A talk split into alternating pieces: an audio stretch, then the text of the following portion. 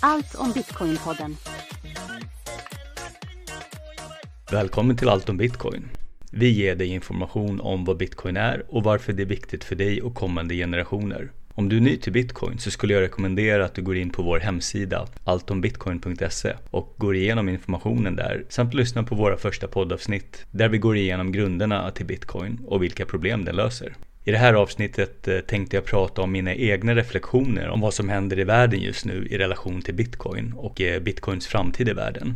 Jag har alltid haft en avsmak till världens finansiella system och känt att det är manipulerat och mot folket i stort. Samtidigt som jag instinktivt känt att detta system inte är hållbart i längden. Länge så förstod jag inte att finanssystemet är sammanvävt med vårt korrupta monetära fiatsystem. Och när finanskrisen slog till 2008 trodde jag att stunden var kommen för den att haverera. Men insåg snabbt hur finanssystemet var invävt i världens politik och maktsystem. Som gjorde allt för att hålla den i liv med just fiatsystemet och därmed våra besparingar. Min kunskapsnivå om hur allt fungerade var låg till att börja med. Men känslan av att den var korrupt in i benmärgen växte bara starkare med tiden. När jag först stötte på bitcoin 2014 så plingade samma instinkt till som fick mig att reagera med avsmak mot systemet. Men istället för avsmak så drog bitcoin mig till sig. Och även om jag inte riktigt förstod varför och hur bitcoin fungerade vid tillfället så var känslan stark. Trots min instinktiva känsla kunde jag inte riktigt tro på att bitcoin skulle kunna förändra något. Då jag inte kunde se hur den skulle kunna ta plats i vårt nuvarande system.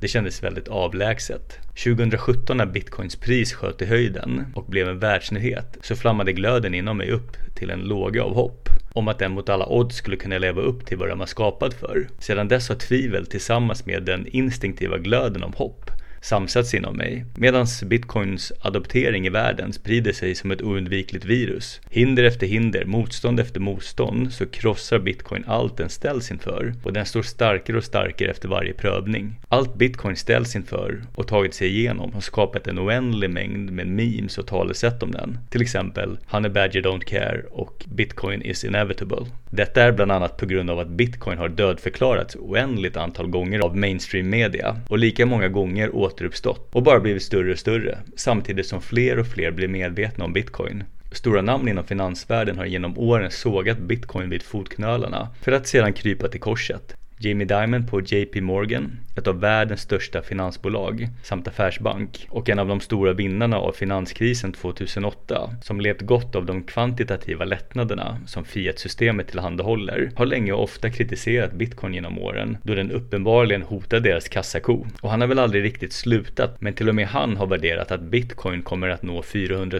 000 dollar vid ett tillfälle. Men trots det så är det fortfarande bara skit enligt honom. Samtidigt så har JP Morgan börjat erbjuda sina mest förmögna förvaltningskunder tillgång till bitcoinfonder. Så även där, och kanske motvilligt, så skiftar sakta inställningen till bitcoin. Kris efter kris omvandlas till guld och möjligheter av bitcoin. Bitcoin mining förbjöds i Kina som hade 70% av all mining i världen, men som omdistribueras på kort tid till all världens hörn och visar samtidigt bitcoins flexibilitet och anpassningsförmåga. El Salvador, Centralafrikanska republiken, gör det många trodde var omöjligt och anammar bitcoin bitcoin som laglig valuta i sina länder. Samtidigt så slår covid till och visar sårbarheten i vår globala ekonomi och finansiella system som förlitat sig på fiatsystemets konstanta expansion och låga räntor. Ett korthus som faller för minsta vibration och som har spelat alla sina kort den hade redan 2008 och som nu står med rumpan bar inmålat i ett hörn utan någon väg ut. Det spelar ingen roll att man ser att tåget man sitter i är på väg rakt in i en tegelvägg när det är världens roligaste fest på tåget som man inte vill ska ta slut. Det som var roligast vägrar inse att stannar vi tåget så är festen slut. Nu har det till och med gått så långt så att det är för sent att stanna tåget och det enda valet vi har är att hoppa av tåget för att minimera skadorna. Men istället så lägger de i en högre växel och ökar farten rakt in i väggen. Tittar vi historiskt så har alla hegemonier och imperium slutat på samma sätt som den nuvarande västerländska hegemonin med USA i spetsen är på väg att göra. De vägrar inse att deras dominans är över. En dominans som till stor del har baserats på deras globala reservvaluta, dollarn, som det har gjort oumbärlig för hela världen. Utöver hur det har låtit finanssektorn kapa dollarn och dess anslutna fiatbebisar som euron och även svenska kronan för att suga ut allt av värde i världen så har de även genom årtionden av sanktioner mot det som inte ville att följa med västs ekonomiska världsbild visat att ett alternativ till denna behövs som nu ser ut att börja ta form. Medan eh, petrodollarn ser ut att bli ett minne blott när OPEC distanserar sig från USA och CBDC eller digitala centralbanksvalutor skapas för att kontrollera ännu mer av våra liv så pratas det även om en råvarubackad valuta som under guldstandarden, gemensam under BRICS-länderna. BRICS som är Brasilien, Ryssland, Indien, Kina och Sydafrika. Hur det här slutar och vad som kommer bli framtidens pengar är högst oklart. Men den här perfekta stormen är de ingredienserna som behövs för att folk i väst ska inse det många utvecklingsländer och periferierna till dollarn länge vetat. Att vårt valutasystem är trasigt och ett alternativ behövs. Utvecklingsländer och länder i konflikt, som krig, med hög inflation och instabila valutor, har länge insett värdet av något som bitcoin, som är frånkopplat från stater, myndigheter och företag. Något som inte går att manipulera med fasta regler som tillåter långsiktig värdelagring.